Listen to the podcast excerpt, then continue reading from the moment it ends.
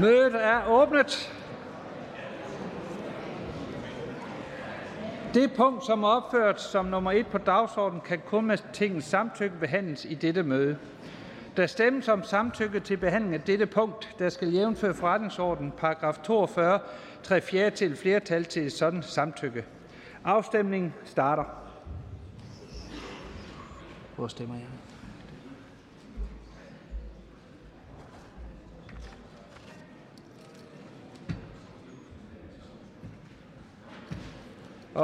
Afstemningen slutter. 92 for, 12 imod, 0 hverken for eller imod.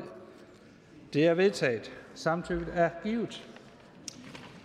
Det eneste punkt på dagsordenen er anden og sidste behandling af beslutningsforslag nummer B 104. Forslag til folketingsbeslutning om dansk militær bidrag til den amerikanske indsats for at begrænse trusler mod den maritime sikkerhed i og omkring det Røde Hav af udenrigsministeren. Der er ikke stillet ændringsforslag. Ønsker nogen at udtale sig? Det gør hr. Christian Friis Bak. Velkommen. Tak for det. Da vi havde første behandlingen af B 104, havde vi ikke gjort vores stilling endeligt op, men vi vil afvente debatten og, og besvarelsen af de mange spørgsmål. Og vi har nu taget stilling i det, som vi anser for at være en meget alvorlig sag, hvor vi sender en dansk soldat afsted øh, til det, der er en offensiv militær operation i et andet land. Og vi er jo bekymrede over, at det er blevet hastebehandlet.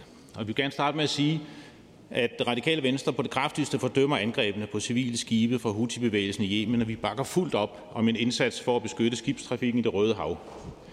Vi støtter derfor udsendelsen af en fregat og bestræbelserne på at etablere en stærk og defensiv EU-operation i det Røde Hav. Men vores samlede vurdering er, at de offensive militære, den offensive militære operation med angrebene fra USA og Storbritannien i Yemen er blevet en eskalerende faktor i regionen, og indtil nu kun har gjort skibsfarten endnu mere usikker.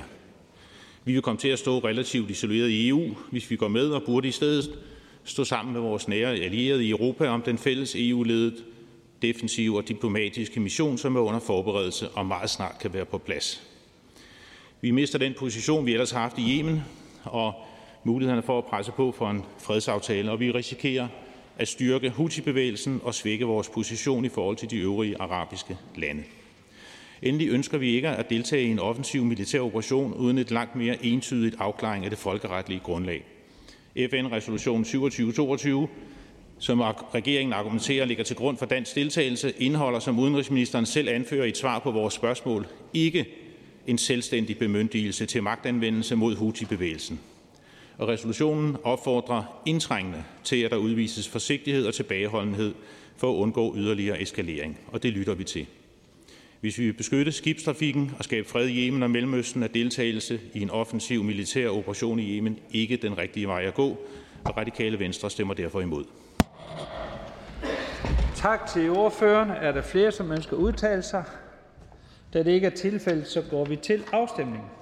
Der, afstem, der stemmes om forslagets endelige vedtagelse, og afstemningen starter.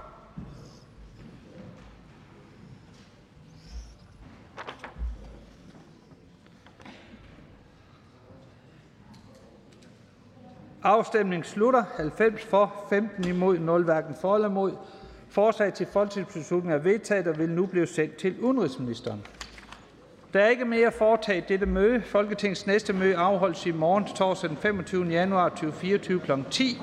Jeg henviser til den dagsorden, der fremgår af Folketingets hjemmeside. Mødet er hævet.